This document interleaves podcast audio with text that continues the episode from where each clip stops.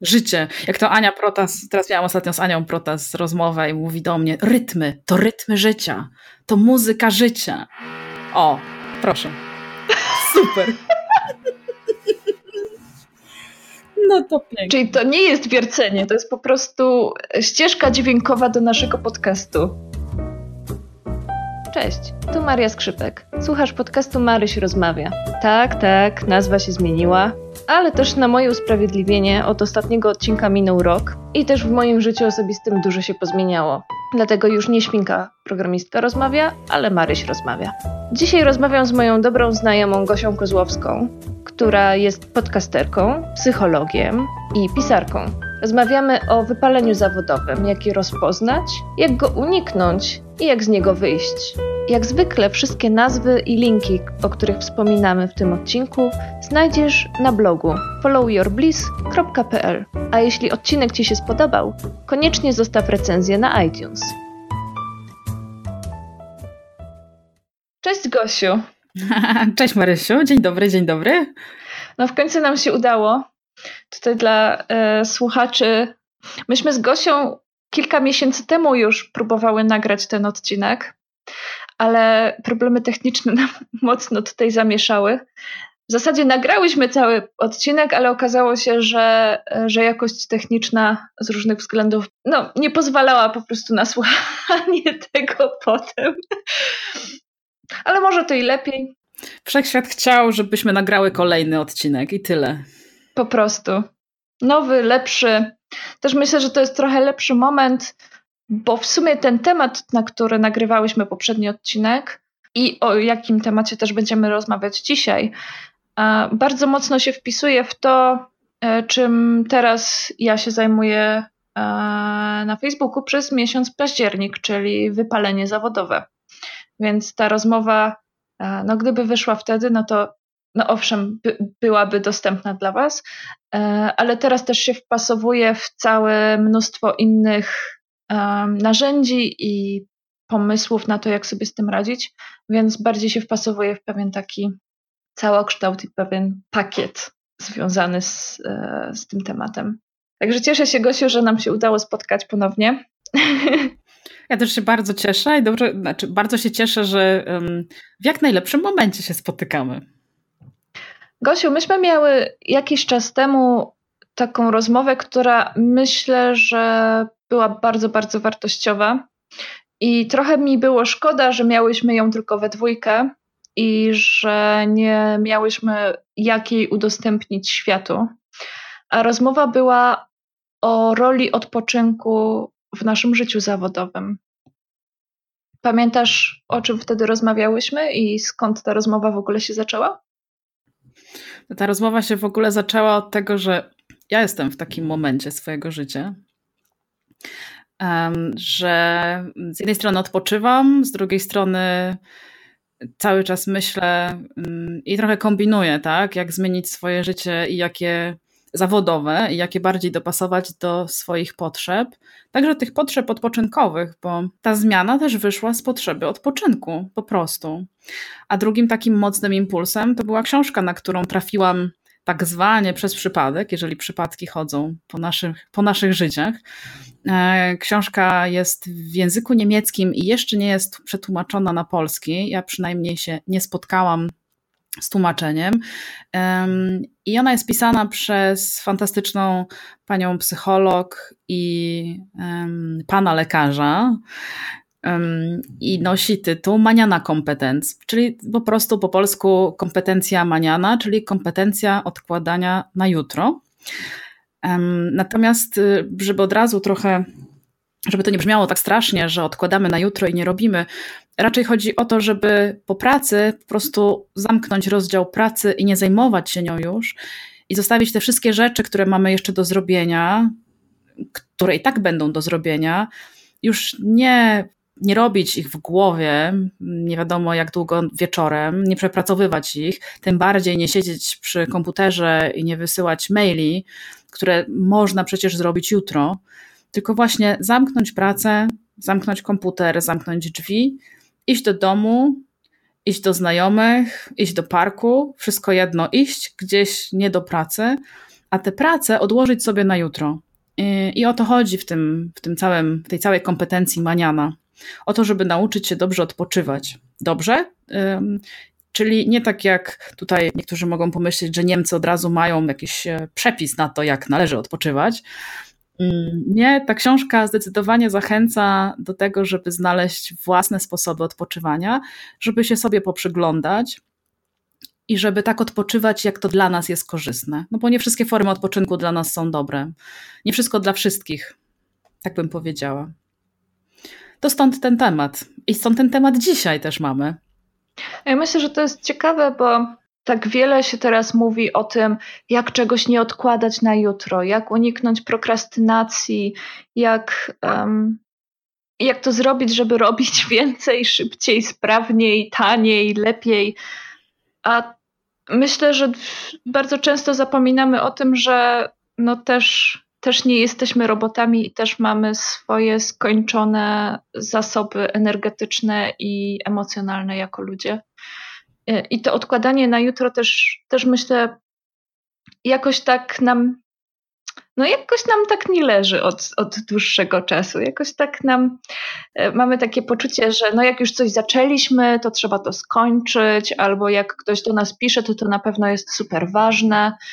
I też e, myślę szczególnie w przypadku ludzi, dla których praca jest no, ogromnie ważnym, ważną częścią życia i, i, ja się z tym nie kłócę, bo dla mnie moja praca też jest ogromnie ważna i, i ubogaca mnie na wiele różnych sposobów i no, nie wyobrażam sobie życia bez niej. Tak często zapominamy o tym, że, że właśnie nie samą pracą człowiek żyje i że też są takie momenty, gdzie E, możemy być albo, albo możemy jeszcze coś dorobić do pracy, albo możemy po prostu usiąść i nic nie robić, i to nam w sumie nawet czasem lepiej zrobi. To jest też coś takiego, co ja na przykład zauważyłam, kiedy jeszcze pracowałam jako programistka. E, to jest specyficzna praca, bo polega w zasadzie na tym, że przez cały dzień rozwiązujesz zagadki i rozwiązujesz trudne zadania i e, bardzo mhm. tak planujesz też w abstraktach. E, I wiele razy było tak, że no, no wsiąka się w, tą, w to zadanie, wsiąka się w tą zagadkę nie? i chce się ją już dopchnąć do końca. A wychodzi na to, że tak naprawdę to, co nam się wydaje, że nam, no, zostało mi już tylko 5 minut. I potem dwie godziny później orientujemy się, że, że, że to wcale nie było takie proste, jak nam się wydawało. A nieraz w ogóle też uderzamy trochę głową w mur, a okazuje się, że jakbyśmy przyszli na drugi dzień rano do tego samego zadania, z, po śnie, po śniadaniu, wypoczęci, z zupełnie innym umysłem, to to zadanie rozwiązujemy od tak.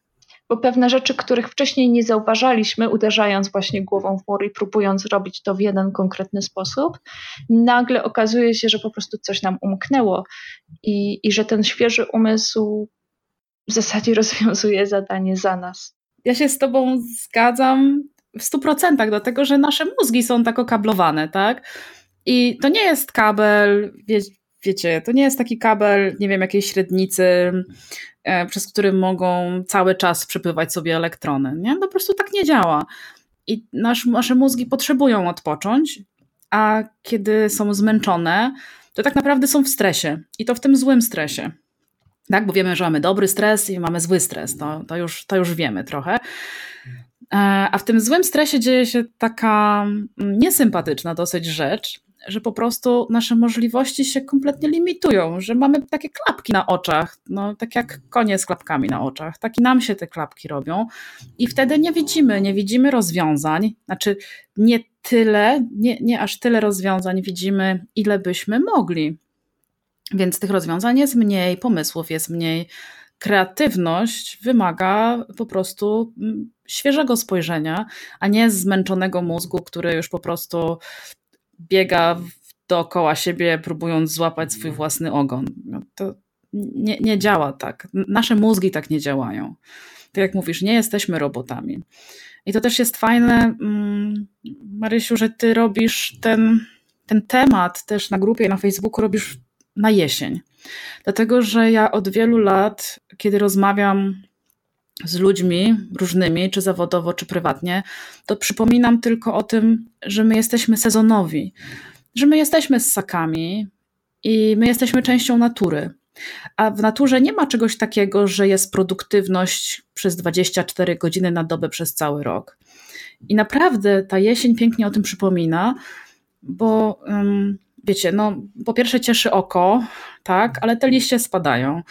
Jak się przyjrzeć zwierzakom, a nawet jak się przyjrzeć po prostu tym rzeczom, które gdzieś tam są pod nogami, to też żołędzie i kasztany i różne orzechy i jabłka, no one nie spadają po nic, tak? One są one są też po coś. E, z jednej strony są dla tych drzew i im służą jak najbardziej, a z drugiej strony może przypomną wam się też um, jakieś historyjki o wiewiórkach, jeżach, niedźwiadkach i innych zwierzętach, które po prostu gromadzą te zasoby, tak, robią zapasy na zimę, dlatego że zimą, tararara, sporo zwierząt po prostu y, przechodzi w inny tryb aktywności.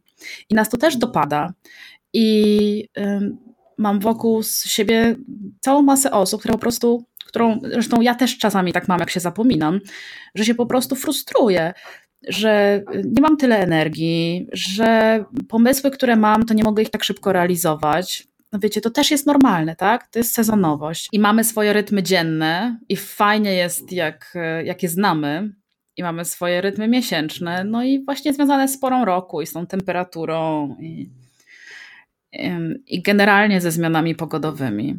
Także ten październik to jest fajny, te, znaczy fajny, fajny moment na temat odpoczynku, też w kontekście wypalenia zawodowego, bo jakby nie było, jak się robi szaro i ciemno, to można się znaleźć w tak zwanej czarnej D, także zawodowo i przestać czuć, że to, co sprawiało nam radość ogromną, nadal ją sprawia i zacząć czuć te wszystkie obrzydliwe tak naprawdę symptomy wypalenia zawodowego albo przedwypalenia zawodowego.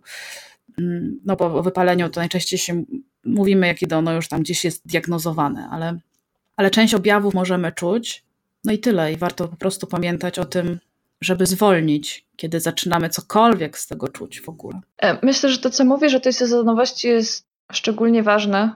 No, dla mnie wszystko, co mówisz, jest ważne, ale też, też myślę, że często zapominamy o tym, szczególnie we współczesnym świecie, bo nie jesteśmy już aż tak zdani na pory roku i pory dnia, tak jak byli nasi przodkowie. Teraz już nie musimy iść e, spać, kiedy się robi ciemno na, na zewnątrz. I to też nie, nie głodujemy, kiedy jest zima i nie jesteśmy zdani na to, ile plonów nam się uda zebrać e, w lecie. A jednak nasze ciała aż tak od tamtych czasów się nie zmieniły i nasze geny się aż tak też nie zmieniły, nasze mózgi, nasze emocje. Dobrze jest się znać po prostu. I dobrze jest też no, gadać z tym swoim ciałem, tak? Ja, ja uwielbiam e, pisanie terapeutyczne, tak zwane, czyli pisanie jako forma um, porządkowania różnych rzeczy w swoim życiu, poznawania siebie też. No i właśnie tej komunikacji z ciałem, bo przez pisanie można bardzo fajnie sobie pogadać, czy pisząc listy, czy dialogi. No i to pisanie o tyle jest fajne, że, że nas trochę dystansuje w tym, ten pozytywny sposób, tak? Widzimy coś, co, e, co jest, wychodzi poza nas po prostu, z, też z naszego ciała. A także fajnie, fajnie jest siebie poznać, gadać z sobą codziennie, tak naprawdę, i patrzeć o co chodzi, tak? Bo te sygnały, ciało do nas mówi.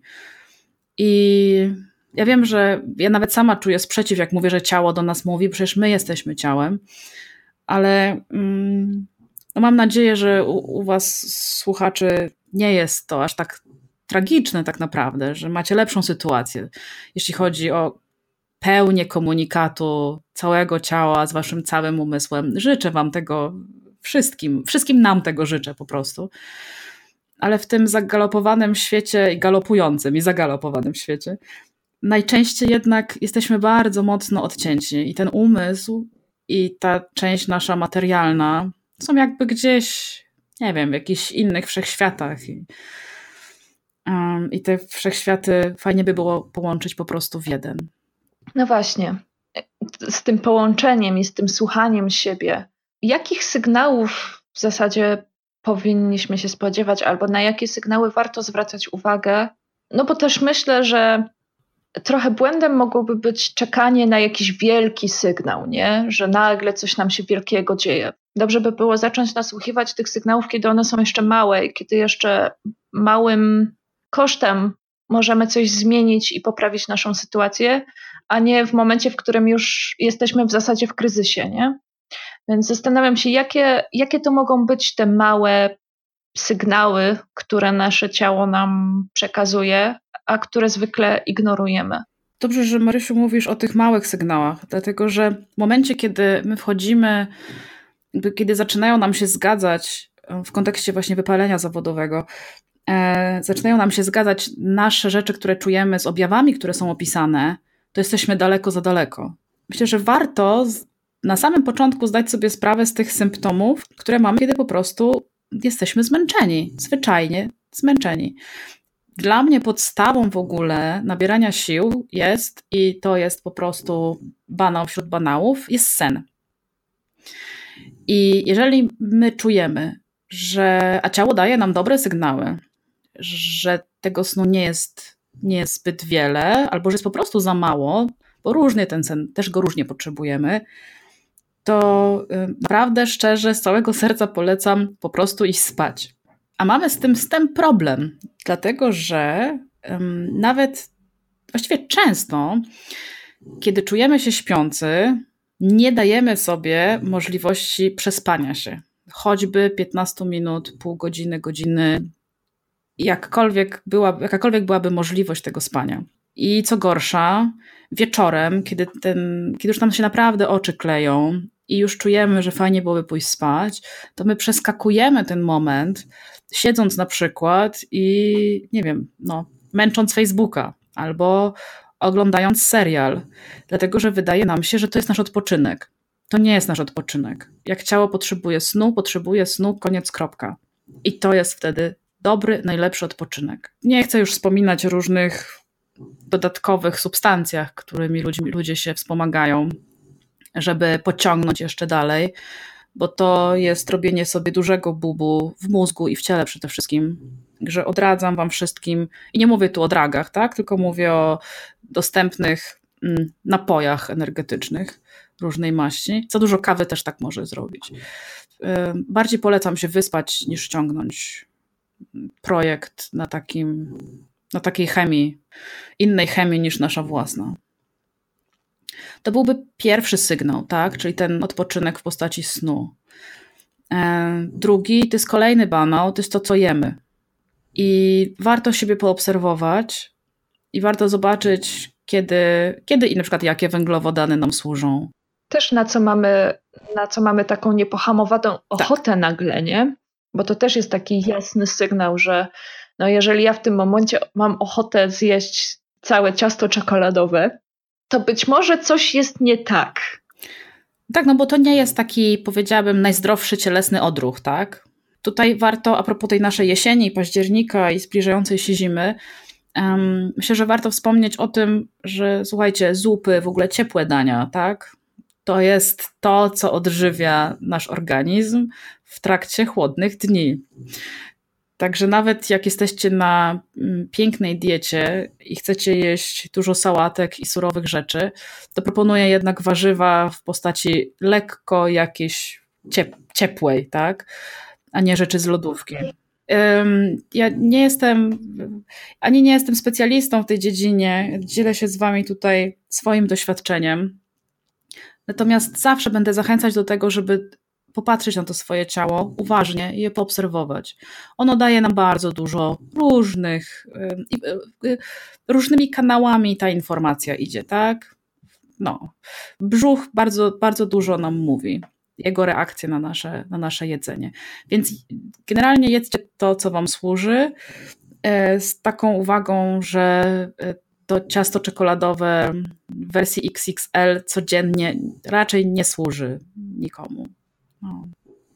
To tu mamy ten drugi objaw, czyli nagła miłość do ciasta czekoladowego. Trzecim bardzo poważnym objawem tego, że jesteśmy zmęczeni, to są emocje. nasze własne emocje.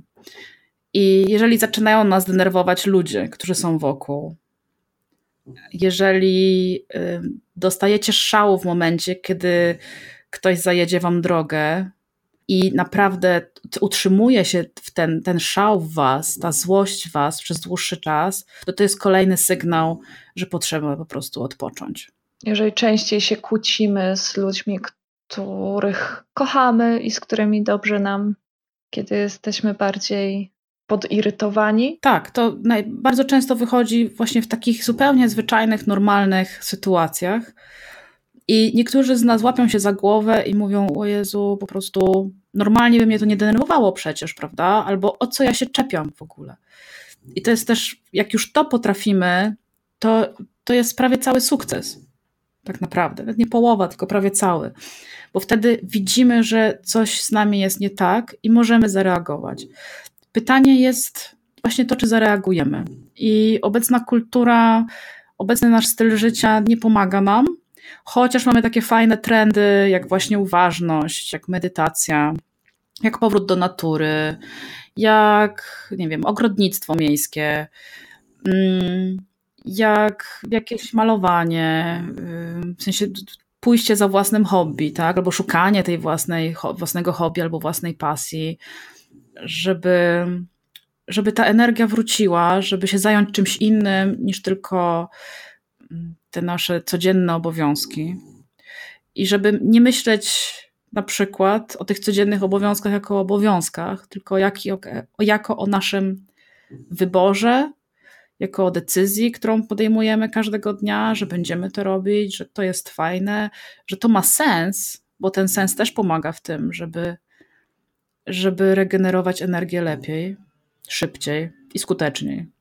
A takim um, bardzo mocnym sygnałem, i to jest sygnał, to a propos tych emocji, to jest już taki mocny sygnał, że niestety jesteśmy na drodze do tego wypalenia zawodowego.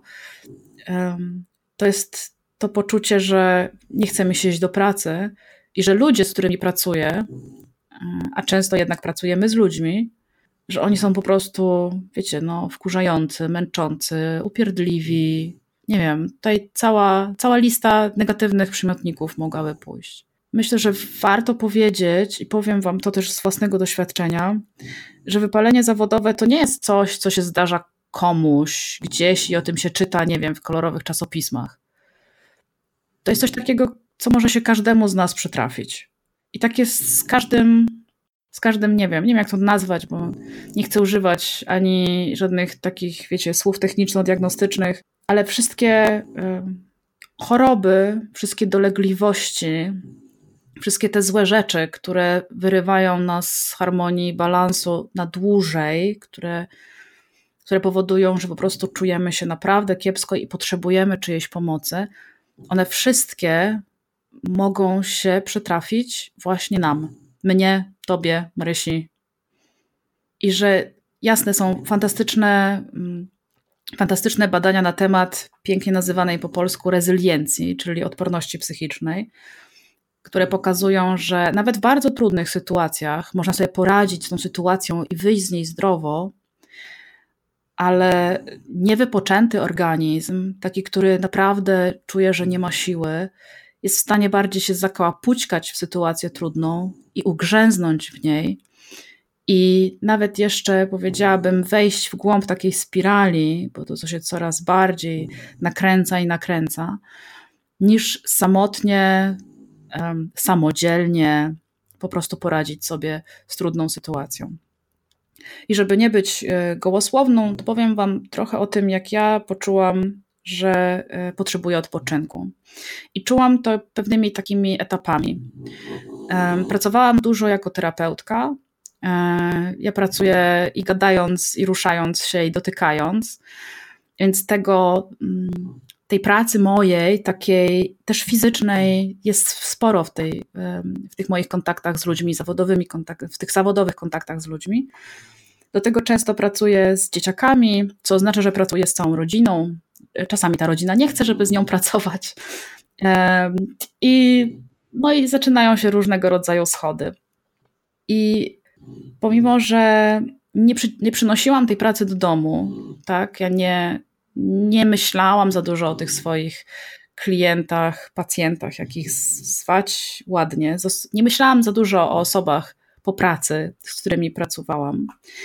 To mimo wszystko um, coś ze mną zaczęło być nie tak.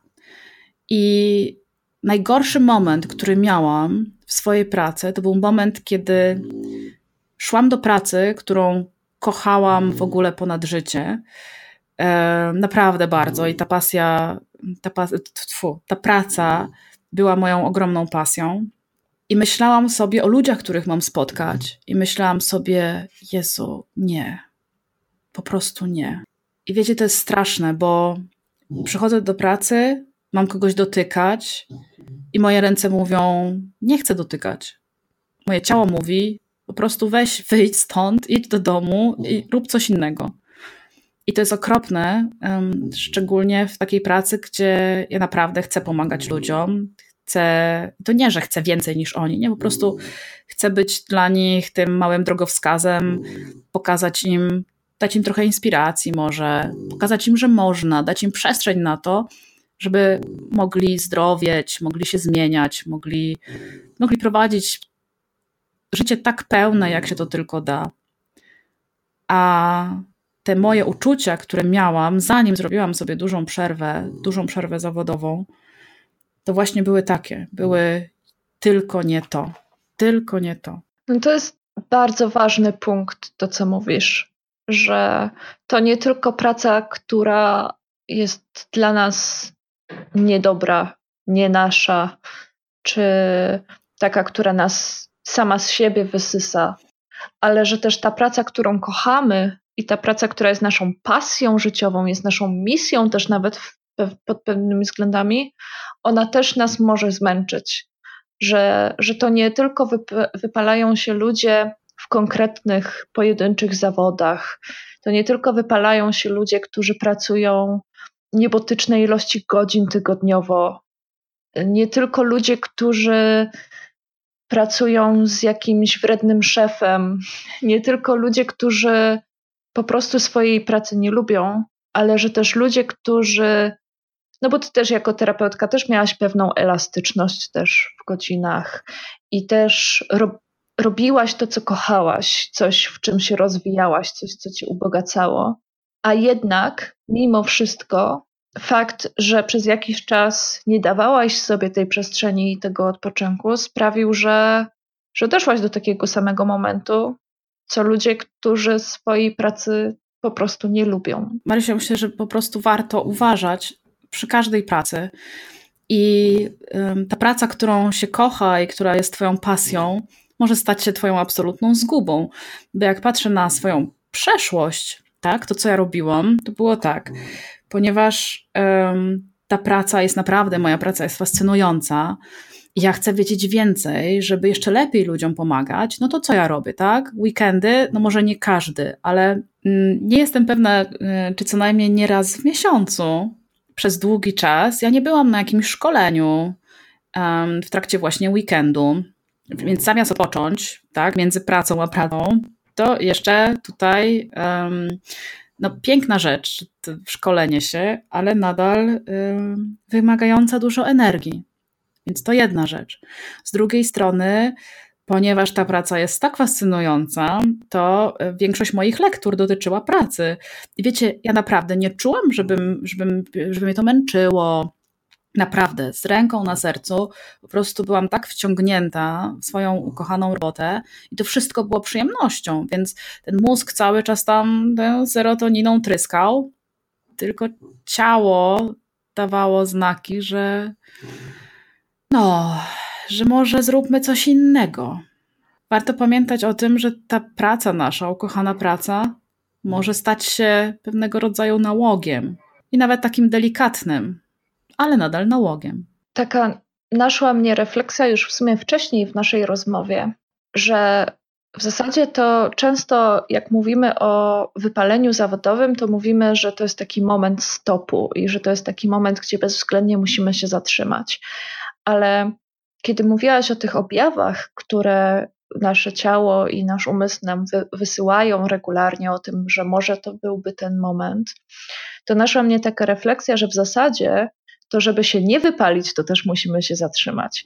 Że w zasadzie to zatrzymywanie się i to przyglądanie się sobie i swojemu życiu musi być w pewnym sensie takim nawykiem, bo e, co z tego, że ja będę wiedzieć o tych wszystkich um, objawach i o tych wszystkich rzeczach, które powinnam robić, jeżeli ja nie dam sobie czasu na to, żeby przyjrzeć się sobie, czy ja jestem zmęczona, jakie są moje objawy tego, że jestem śpiąca, zmęczona, e, bo może jedną osobę boleć głowa, kiedy jest śpiąca, i dla niej to jest bardzo jasny sygnał, że musi iść spać, ale może dla kogoś innego te sygnały są dużo bardziej subtelne i też myślę, wymagany jest taki czas, który, żeby sobie dać ten czas na to, żeby przyjrzeć się sobie, nauczyć się siebie, zobaczyć, co tam jest i też robić taki check-in ze sobą regularnie, żeby sprawdzać, czy na pewno wszystko jest ok. I, I nie czekać na ten moment, kiedy coś jest bardzo nie tak. Bardzo nie czekać na ten moment, kiedy coś jest bardzo nie tak. Jak już jest bardzo, to jest bardzo daleko. Ja lubię te czekiny i ja zawsze zachęcam też do tego, żeby te czekiny robić częściej, na przykład nawet niż um, raz dziennie. Po prostu, wiecie, idziemy sobie, nie wiem, siedzimy, jemy, mamy przerwę. Łapać się, to jest trening tak naprawdę. Im częściej się będziemy łapać na tym, w sensie łapać takie momenty, takie chwile, chwile po prostu, w których będziemy sobie zadawać pytania, ok, jak ja się teraz czuję? I to nie musi być wielki skan ciała półgodzinny, tak? To jest po prostu moment, kiedy ja myślę o sobie i myślę, ok, ok, tu mam spięte plecy, tutaj mm, szczęka na przykład, yy, nawet takie rzeczy, gdzie to są minimalne spięcia mięśni, no nie są minimalne tak naprawdę, ale może my je czujemy, że jest troszeczkę, troszeczkę bardziej napięte, albo że właśnie, o, jestem głodna, albo jestem podekscytowana, tak, wszystkie rzeczy, po prostu rzucić okiem na to, na, na to swoje ciało, rzucić okiem, rzucić uchem, rzucić czuciem, i robić to jak najczęściej w ciągu dnia. I um, nie bójcie się, nie bójmy się tego. Takie skany jeszcze nikogo nie doprowadziły do narcyzmu. Takie skany służą tylko zdrowiu. I tutaj uwaga, duża uwaga z mojej strony. Sam skan już poprawi naszą kondycję, tak, ludzko-cielesną, ale warto byłoby um, zareagować jakoś na te informacje, które się dostanie i nawet po prostu się przeciągnąć, odetchnąć świadomie, zjeść coś. Polecam jednak reagowanie niż tylko samo skanowanie. Ale skanowanie i tak pomaga i um, tak jak pokazuje moje doświadczenie terapeutyczne, naprawdę ciało dużo z tego z samego skanowania takiego małego dużo korzysta. Pomimo, że my może nie poczujemy od razu takiej ulgi albo e, jakiegoś przepływu energii, chociażby minimalnego.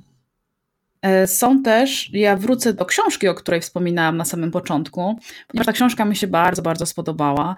Jeżeli tylko znacie niemiecki, to oczywiście zapraszam, gdzieś tam pewnie krąży po Amazonie, można, można ją kupić.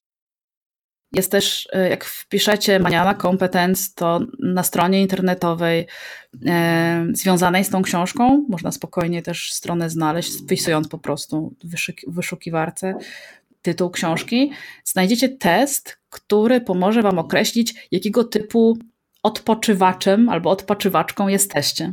Dlatego, że ta książka, tak jak już mówiłam, podkreśla, że każdy z nas jest inny.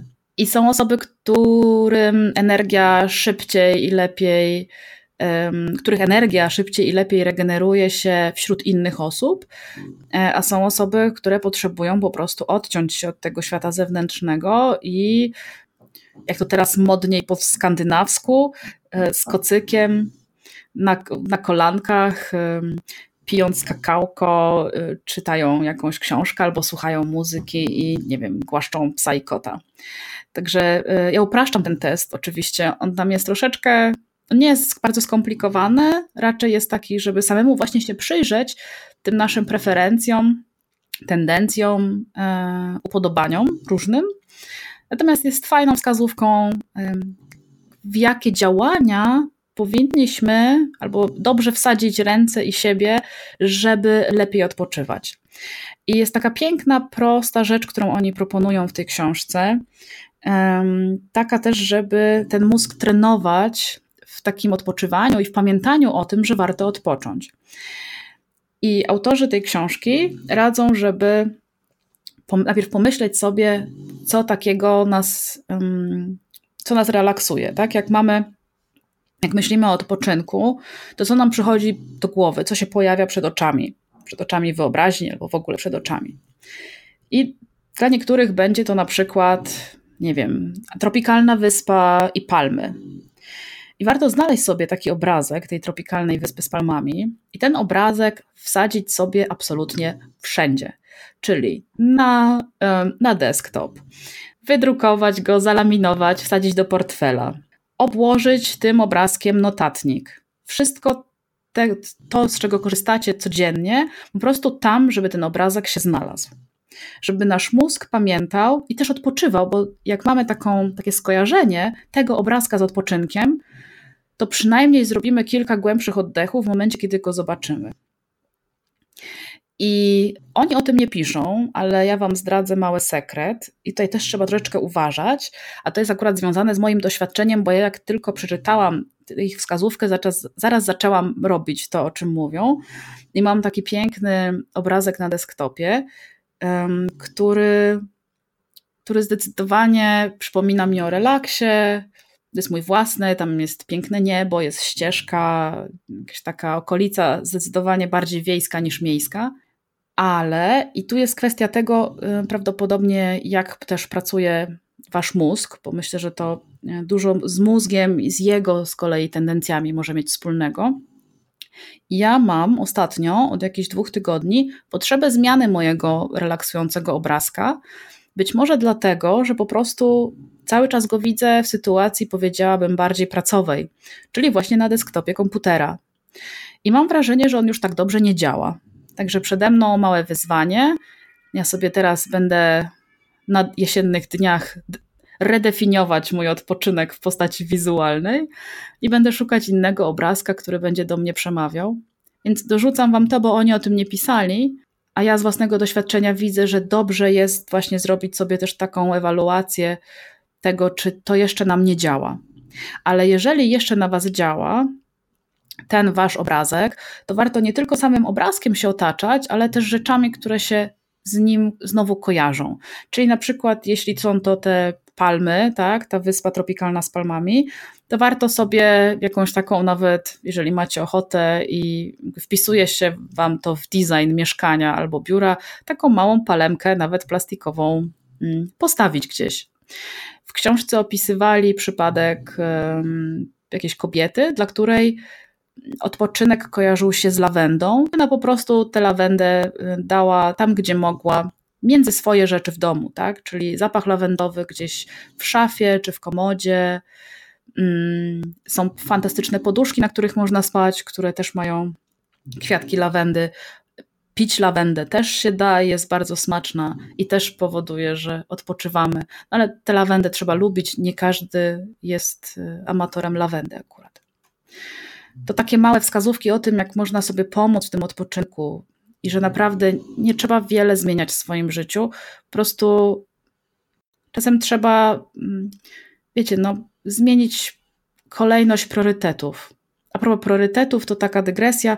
Czytałam ostatnio, że historycznie priorytet, jak się pojawił w języku, e, to miał tylko i jedynie tak, liczbę pojedynczą. I nie było priorytetów, moi drodzy, był tylko priorytet, jeden. Jeden priorytet.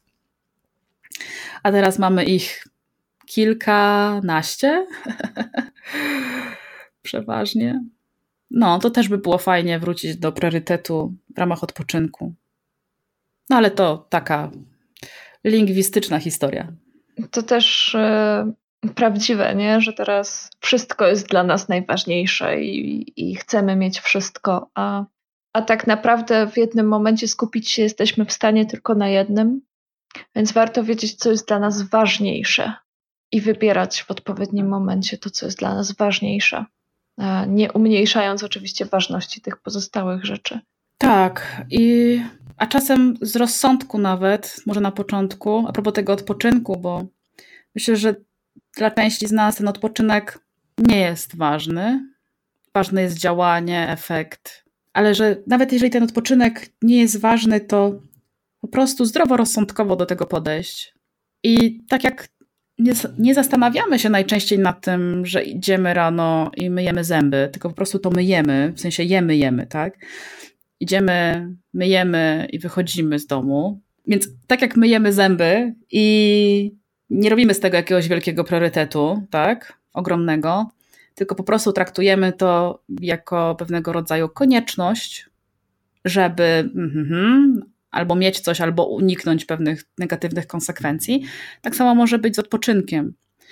E, jeżeli on dla kogoś nie stanowi jakiegoś też e, jakiejś przyjemności. Są też takie osoby, które po prostu nauczyły się tak działać w swoim życiu, że myśl o odpoczynku jest no powiem, blokowana mocno, tak? Jest gdzieś traktowana jako pewnego rodzaju rzecz, który, który się po prostu nie robi. I to nawet niekoniecznie jest znak naszych czasów, takich naszych, tak? W sensie Twoich i moich, Marysiu. Tylko jak spojrzycie na przykład na swoje babcie albo mamy, to część z nich została tak wychowana, że, że się nie odpoczywa. Zresztą panów to też dotykało. Że po prostu nie odpoczywa, że odpoczynek jest czymś w jakimś sensie złym.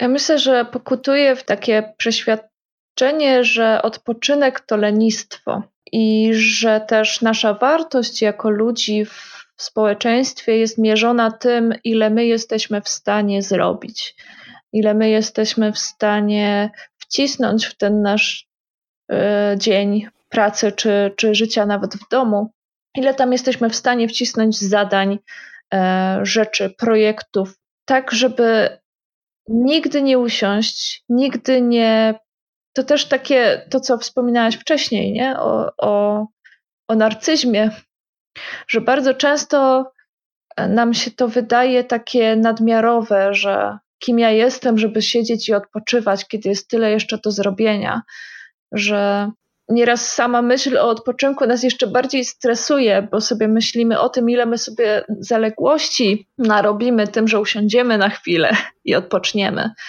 I to, co E, myślę, może też pomóc, to też taka myśl o tym, że nie, nie każdy odpoczywa dla odpoczynku. Czasem odpoczynek może być takim stopniem czy, czy takim kamieniem milowym do tego, żeby potem lepiej pracować. Takim środkiem do tego, żeby, żeby robić więcej lepiej. Trochę jak ta anegdota o tym, o tym mężczyźnie, który e, ciął drzewo tępą, tępą siekierą, nie? Że, że, że męczy się z tym i męczy się. I, I kiedy ktoś mu zasugerował, że może by tą siekierę sobie naostrzył, że może będzie mu wtedy szybciej, łatwiej i przyjemniej, to on powiedział, że ja nie mam czasu na to. Ja nie mam czasu na to, żeby naostrzyć tą siekierę, bo muszę ciąć to drzewo. Nie? Więc być może, być może to też jest swego rodzaju e, rozwiązanie dla tych, dla których odpoczynek sam w sobie nie jest wartością, żeby też może trochę myśleć o nim jako o środku do tego, żeby potem robić lepiej, żeby mieć lepszy punkt wyjścia do tego, co chcemy zrealizować. Cieszę się, że mówisz, przytaczasz tę historię, dlatego że mm, no tak, tam mamy właśnie narzędzie, tak, którym jest siekiera. I kiedy ja prowadzę zajęcia dla terapeutów, czy to są jakieś zajęcia e, na studiach podyplomowych, czy to są jakieś warsztaty, które, no, które prowadzę, to też zawsze powtarzam, że naszym narzędziem, i myślę, że w wielu zawodach tak jest, że my jesteśmy swoim narzędziem. Jeżeli to narzędzie się popsuje, no to sorry, wybaczcie, kto będzie pracował, tak? Nie mamy części zamiennych za bardzo, a nawet te, które mamy, to nie polecam. W sensie takim, że jak trzeba koniecznie, to już trzeba koniecznie, ale byle nie za szybko. Wiecie, ciało, pomimo, że mamy naprawdę fantastyczne te zamienniki już teraz i akurat mi przychodzi do głowy zamiennik piękny biodra, ale pomimo, że one są fajne, to nie są nasze. I to ciało też jest inaczej wtedy sprawne, po każdej operacji zresztą. Także warto, warto wcześniej o tym pomyśleć i wcześniej ostrzyć tę siekierę. I tak językowo chciałam jeszcze dorzucić bo kiedy mówiłaś Marysiu o lenistwie, to przyszło mi do głowy to, że bardzo często używamy takiego zwrotu, że to jest zasłużony odpoczynek. Że ja zasłużyłam albo nie zasłużyłam, mogę albo nie mogę. Wiecie co, to jest po prostu bójda na resorach. Nie, wyrzućcie ten zasłużony, odłączmy go. Ja bardzo, bardzo proszę wszystkich Polaków tutaj, wszystkie osoby, które się posługują polskim, nie są Polakami też. Po prostu wyrzućmy, wyrzućmy ten, ten rodzaj jakiegoś związku wyrazowego. Nie, po prostu odpoczynek jest dla każdego i nie ma czegoś takiego, że się na niego zasługuje albo nie. Po prostu trzeba odpocząć i już on jest naturalny, jest naturalny jak oddychanie, jak płynięcie naszej krwi. Bez odpoczynku nie ma życia i tyle. I nikt nie mówi, o, mam zasłużony oddech teraz, tak? Zasługuję na oddech. Znaczy, niektórzy tak mówią, ale metaforycznie, ale nie mówią myśląc o swoim normalnym oddychaniu. Po prostu weźmy ten odpoczynek jako jako normę naszą, przynależną naszemu ciału. O umyśle nie wspomnę, bo on też niesamowicie potrzebuje po prostu tej innej przestrzeni, gdzie może odsapnąć i zająć się czymś innym i w ramach odpoczynku wymyślać, w jakim kształcie są chmury teraz. No. Ja sobie tak pomyślałam teraz, że odpoczynek to nie jest luksus. Odpoczynek to jest nasza odpowiedzialność. Tak samo jak odpowiadamy za to, żeby no żeby się wysiusiać, kiedy potrzebujemy, czy za to, żeby zjeść i nie zemdleć potem z głodu, czy, czy spać, czy oddychać. Tak, odpoczynek nie jest luksusem, to nie jest coś, co, na co właśnie musimy zapracować i co się zdarza tylko w weekendy albo na urlopie, na którym i tak przyjmujemy miliony maili od szefa, albo sami sobie narzucamy, nie? bo się stresują, a co to tam będzie bez nas, a przecież cała firma legnie w gruzach, jak nas przez dwa tygodnie nie będzie. Tylko właśnie, że jest integralną częścią życia i czymś, co no nie chcę mówić, że nam się należy, ale. Ale nam się należy. Nie użyjmy tego, należy nam się, tak? I już. Ja mam też taką refleksję, bo myślę, że też to warto powiedzieć, że często też się porównujemy z innymi ludźmi i z tym, ile oni potrzebują odpoczynku, a ile my odpoczynku potrzebujemy.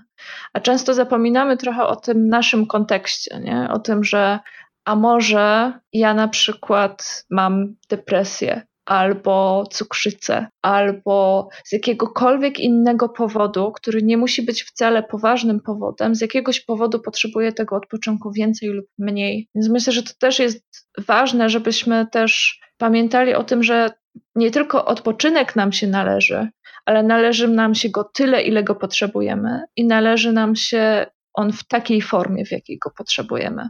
Pamiętajmy też przy tym, że często nie dość dobrze oceniamy ludzi, w sensie nie dość adekwatnie. I że ludzie pokazują nam pewne rzeczy po to, żeby robić odpowiednie wrażenie.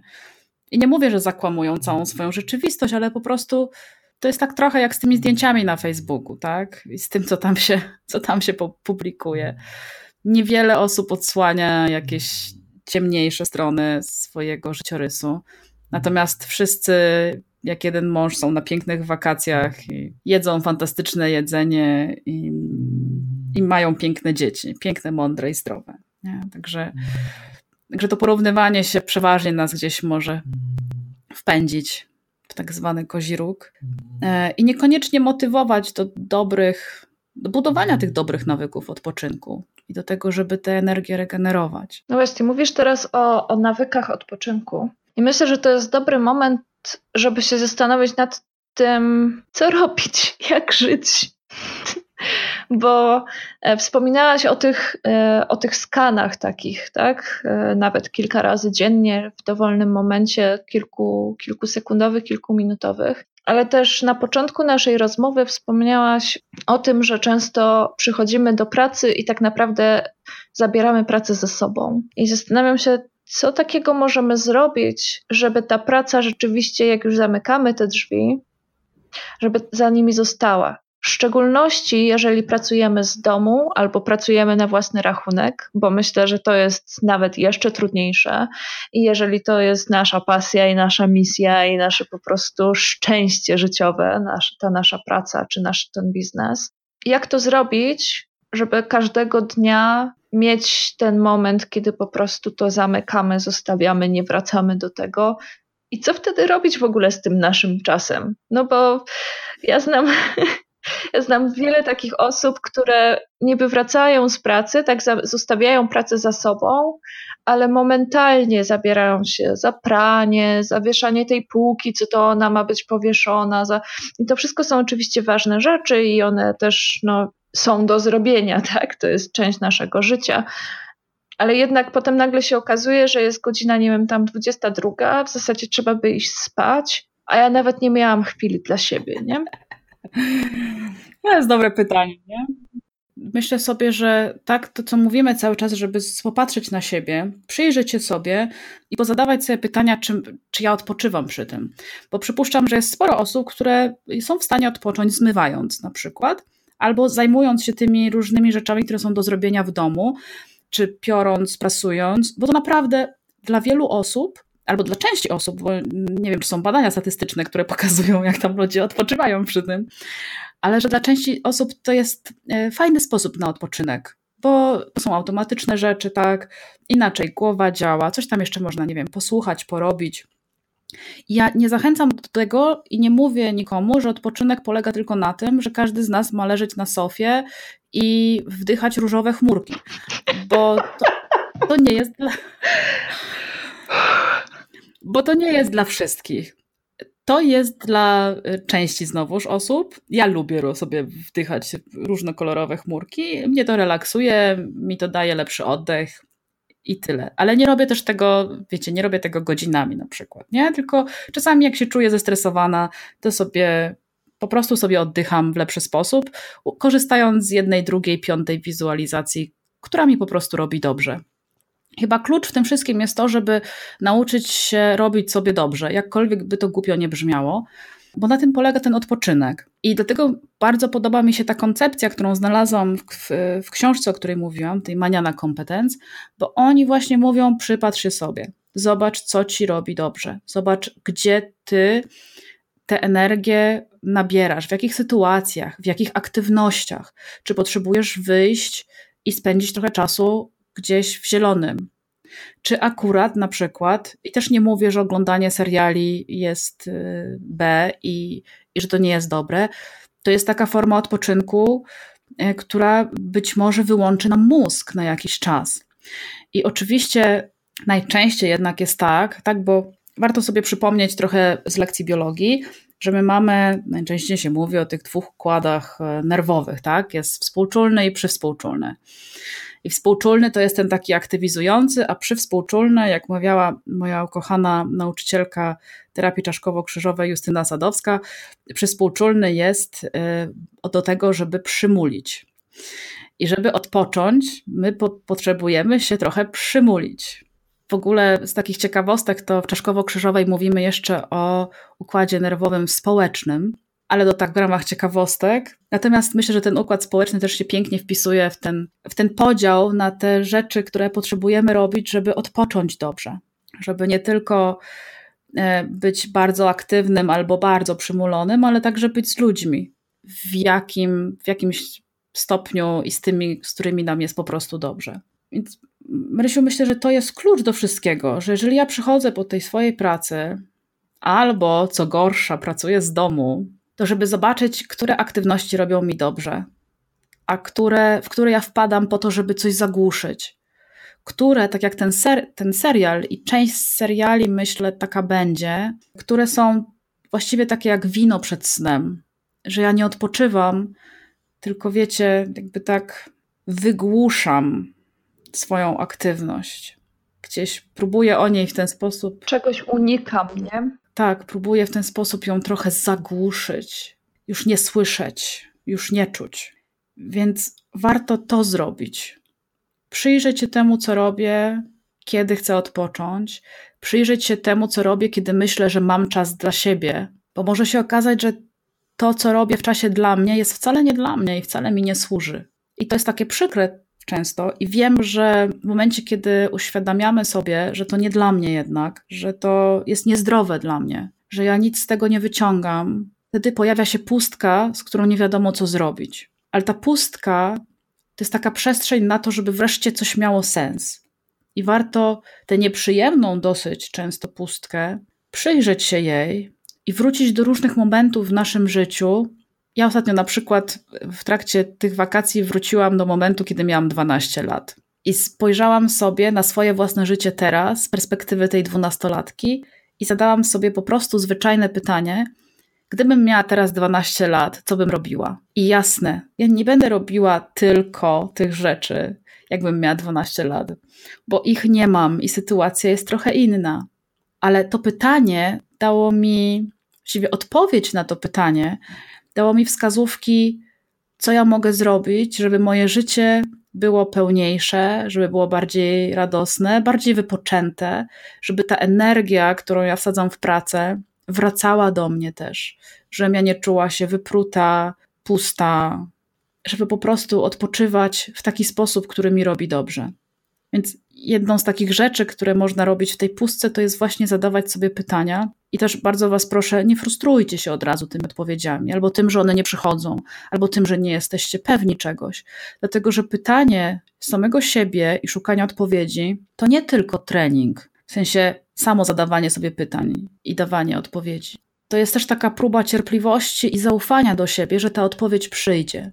I nie ma co się frustrować, absolutnie nie. To przyjdzie powoli. Byśmy chcieli wszystko szybko i szybko, bo taki świat nas otacza. A tu trzeba czasami po prostu pobyć, poddychać, popatrzeć, dać sobie samemu spokój i światu spokój też. I poczekać, bo ta odpowiedź przyjdzie, szczególnie jak otworzymy uszy, oczy, serca i ręce, żeby przyjąć to, co przyszło. Tak mi się też nasuwa, że być może też troszeczkę potrzebujemy się ponudzić że to jest taka, że to jest jedna z takich przeżyć, uczuć, emocji, które, których unikamy bardziej niż jakichkolwiek innych w dzisiejszym czasie. I też w dzisiejszym czasie mamy na wyciągnięcie ręki milion rzeczy, które mogą nam tą nudę ukryć, czy, czy nas tej nudy pozbawić. I owszem, nuda jest bardzo, potrafi być bardzo niekomfortowa, ale też przynajmniej z mojego doświadczenia i też z doświadczenia wielu osób, z którymi rozmawiałam, ta nuda jest właśnie tym miejscem, w którym pojawiają się odpowiedzi na pytania, które zadaliśmy miesiące temu, i jest tą przestrzenią, w której zaczyna rodzić się kreatywność, zaczynają się pojawiać nieszablonowe pomysły, gdzie zaczynamy rozwiązywać nasze problemy w sposób właśnie kreatywny, pełen ciekawości, pełen zaangażowania, przeciwieństwie do szukania gotowych rozwiązań gdzieś w internecie. Masz zupełną rację. I ta przestrzeń, która się pojawia, to może być przestrzeń nudy, to może być przestrzeń też czasem złości frustracji, właśnie powodowanej tym, że nie ma aktywności. No bo aktywność, ta nasza aktywność, albo właściwie te nasze aktywności codzienne, często są takie, dają rytm, tak? One nie są, nie są złe w same w sobie, tylko że można się zagalopować i po prostu od aktywności do aktywności skakać. Część z nas potrzebuje do odpoczynku pewnych aktywności, ale najczęściej nie takich, jakie robimy, albo jakie już robiliśmy, robiliśmy tego dnia. Skąd to wiedzieć? Jak to sprawdzić? Co nam służy, a co robimy tylko dlatego, że tak się nauczyliśmy, albo dlatego że to jest dla nas łatwe, czy pozwala nam unikać pewnych niewygodnych rzeczy. Jak, jak znaleźć tą różnicę? Słuchać siebie, patrzeć na siebie, obserwować siebie, zadawać sobie pytania, a jak robimy nowe rzeczy, albo nawet stare, bo obserwacja nie polega na tym, że ja obserwuję siebie w danej chwili i już mam odpowiedź. Dobrze się obserwować przez jakiś czas i to jest dłuższy czas. Tak jak przy zmianach, jak zmieniamy nawyki, jak próbujemy robić coś nowego w naszym życiu, potrzebujemy to są co najmniej trzy miesiące, żeby zobaczyć, jaki jest efekt. Więc jeżeli ja z uporem maniaka, kiedy robię coś dla siebie, to oglądam seriale i po trzech miesiącach nie czuję się wypoczęta po takiej akcji, to jednak może mi przyjść do głowy ta myśl, że to oglądanie seriali nie jest y, moją aktywnością, która pozwala mi odpocząć. I taką rzeczą, którą możemy zrobić, szczególnie w momencie, kiedy czujemy absolutną pustkę i nie wiemy, co może nam pomóc odpocząć, to przyjrzeć się też, co robią inni ludzie. Ale nie mówię o ludziach, którzy po prostu nas otaczają, tylko o ludziach, do których nas ciągnie, takich, gdzie myślimy, jeju, fajnie byłoby nimi być. I pogadać z nimi, co oni robią, jak oni robią. I ja często porównuję takie rzeczy, takie próbowanie tego, co robią inni, do zakładania nowych ubrań, do przymierzania tych nowych ubrań. Po prostu słuchajcie, przez te kilka miesięcy można pochodzić w czyichś ciuchach, poniekąd, tak, bo one i tak się stają nasze, i zobaczyć, czy mi to robi dobrze, czy nie. I znowu powtarzam, co najmniej trzy miesiące, dlatego że jak ktoś wam powie, ej, mnie świetnie robi medytacja, i wy spróbujecie tej medytacji, ale zrobicie ją tylko przez 20 minut, albo nawet i przez 5, ale tylko raz, i powiecie, że jest do bani, to jeszcze nie wiecie, czy ona jest tak naprawdę do bani. Dlatego, że rzeczy, które są dla nas nowe, my często czujemy, że one są do bani. I możecie być przeszczęśliwi w momencie, kiedy zaczynacie nową rzecz, nową aktywność albo nowy sposób spędzania czasu i czujecie, że to jest wasze. To jest jedno z najpiękniejszych, jeden z najpiękniejszych momentów w życiu, kiedy czujecie, że to jest to. Ale takich momentów, niestety, niestety nie wiem, nie mamy zbyt dużo. Nie, nie każda miłość jest miłością od pierwszego wejrzenia. Właśnie tak.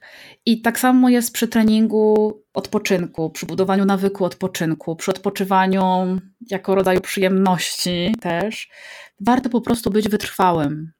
I ta wytrwałość to jest fajna cecha, którą też oczywiście można, można wytrenować, żeby nawet jak upadniemy, tak powiem, że upadniemy i przestaniemy coś robić, jeżeli to nie jest nawet tak regularne, jakbyśmy chcieli, nawet z tym odpoczynkiem, jeżeli nie jest tak regularny, jakbyśmy chcieli, to żeby po prostu wracać do tego, nie samobiczować się i mówić, że to już bez sensu, tylko po prostu wracać i robić. I podsumowując te wszystkie rzeczy, o których rozmawiałyśmy, Marysiu, to powiem tylko tyle, że warto, że warto i że trzeba. I jeżeli ktoś wam kiedykolwiek, albo wy sami w waszych głowach macie taką myśl, że nie mogę teraz odpocząć, to to jest ta myśl, którą trzeba zamienić na potrzebuję teraz odpocząć. Chociaż przez chwilę, ale w pełni być w tym odpoczynku.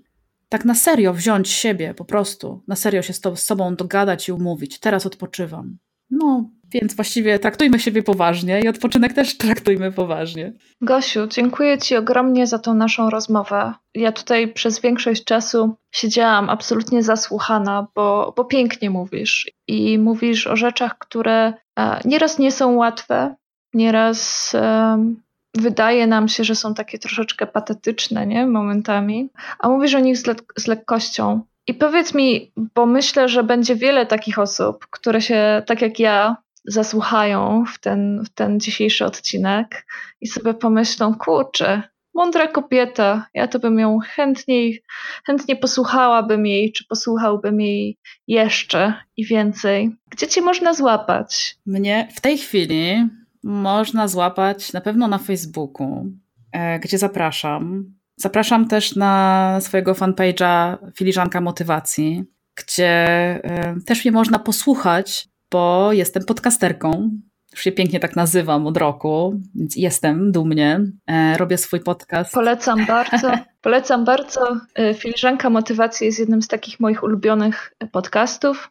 To jest taki podcast, e, który jest, nie jest zbyt szybki, nie jest jakiś bardzo dynamiczny, ale właśnie w tym jest jego piękno, że to są takie prawdziwe, żywe, pełne serca i duszy rozmowy z kobietami. W zasadzie chyba do tej pory tylko z samymi kobietami rozmawiałaś, ale to są piękne rozmowy i to są takie bardzo, bardzo myślę ważne dla nas wszystkich rozmowy, więc bardzo ogromnie polecam filiżankę motywacji, bo tam można właśnie nie tylko posłuchać więcej Gosi, ale też posłuchać innych wspaniałych kobiet, które, które tam występują. Bardzo się cieszę, że Ci się podoba, Marysiu. Naprawdę, miód na moje serce ja odkąd robię ten podcast, odkąd robię filiżankę motywacji, mam wrażenie, że mam wrażenie, że z każdym odcinkiem po raz kolejny wracam właśnie do tych pytań i do tych kwestii, które wydają nam się zbyt duże, a przez to zbyt banalne, a przez to zbyt patetyczne. A to są takie, wiecie, takie podstawy, absolutne podstawy. To są czasem duże słowa albo, albo i nieduże słowa, to są czasem inspiracje, które brzmią jakby były banalnie proste, I one w pewien sposób są banalnie proste, a przez to, że są banalnie proste, są cholernie trudne. Dlatego, że my po prostu nie zajmujemy się nimi codziennie, a warto, bo to jest taki nasz fundament, fundament naszego życia. Więc też bardzo Was zachęcam, i nie tylko ze względu właśnie na siebie, tylko ze względu na moje, na moje gościnie, bo to do tej pory, do tej pory same, same panie. Zapraszam, najbar najbardziej zapraszam na Facebook, też dlatego, że w tej chwili mm, jestem w trakcie przebudowy swojej strony, ale myślę, że jak tylko ją przebuduję i będzie do rzucenia okiem i złapania kontaktu tam ze mną, to też umieścimy mm, gdzieś na, przy Twoim podcaście tutaj, Marysiu, po prostu link do mnie, żeby, był, żeby można było nie tylko przez Facebooka, który nie jest lubiany przez y, cały wszechświat, żeby można się było ze mną skontaktować troszeczkę inną, innym kanałem po prostu. Ja też jak zwykle w e, notatkach do, do tego odcinka będę zamieszczać różne linki i, i nazwy, i nazwiska, które padają e, tutaj w trakcie naszej rozmowy, żeby też łatwiej było je wyłapać, bo, bo też często coś nie dosłyszymy, ktoś coś przejęzyczy, więc tam wszystko będzie do kliknięcia, do przeczytania, jasno, czarno na białym. E, ja bym jeszcze chciała tylko dodać o, o jednym projekcie, który teraz, Gosiu, zaczynasz. E, nie wiem, jaki, na jakim etapie jest ten projekt, ale ja osobiście jestem też na niego bardzo, bardzo podekscytowana i myślę, że on też, też się pięknie wpasowuje w naszą rozmowę, bo mówiłyśmy też o tym, że, że ten odpoczynek też może być aktywny i ten odpoczynek e, może być związane z naszymi hobby i z naszymi zainteresowaniami i czymś zupełnie oderwanym od naszej rzeczywistości, takiej rodzinnej i, i rzeczywistości pracowej.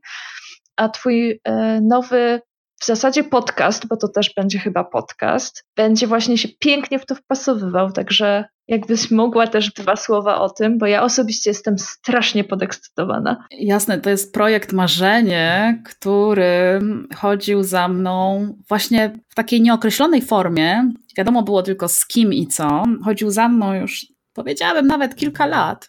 I wreszcie wykwitnie już niedługo, już na tej jesieni, w postaci podcastu. Robocza nazwa to Zielone w betonie i projekt dotyczy bardzo szeroko rozumianego ogrodnictwa miejskiego, które można realizować w postaci doniczek u siebie w domu, na parapecie, na tarasie, na balkonie, albo nawet, nawet gdzieś tam wspólnych przestrzeniach zielonych, takich miejskich, które można współdzielić z sąsiadami. Ja ten projekt mam ogromne szczęście realizować z moją wieloletnią już przyjaciółką z liceum, Anią Popów-Nowicką, która jest ekspertem w tej dziedzinie, bo Ania jest y, architektem krajobrazu. Więc łączymy naszą pasję, ona y, plus wiedzę, tak? Ona swoją wiedzę bardzo mocno ekspercko, botaniczno, gleboznawczo, architektoniczną a ja moją pasję do e, zieleni, zielonych przestrzeni, sałaty, liści i różnych robali,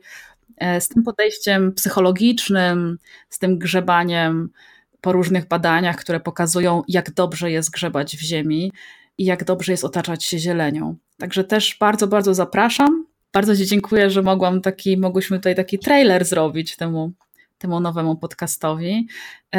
Ja się nie mogę doczekać w ogóle, co się z niego wykluje. Pomysłów mamy bardzo dużo, tematów jest ogrom. Podcast jest skierowany dla osób, które po prostu chcą zacząć. Chcą zagłębić się dosłownie w przenośni w glebę i w rośliny, otaczać się tą zielenią, być może zbudować sobie, rozwinąć nową pasję. No mówię, zobaczymy, dokąd nas to zaprowadzi.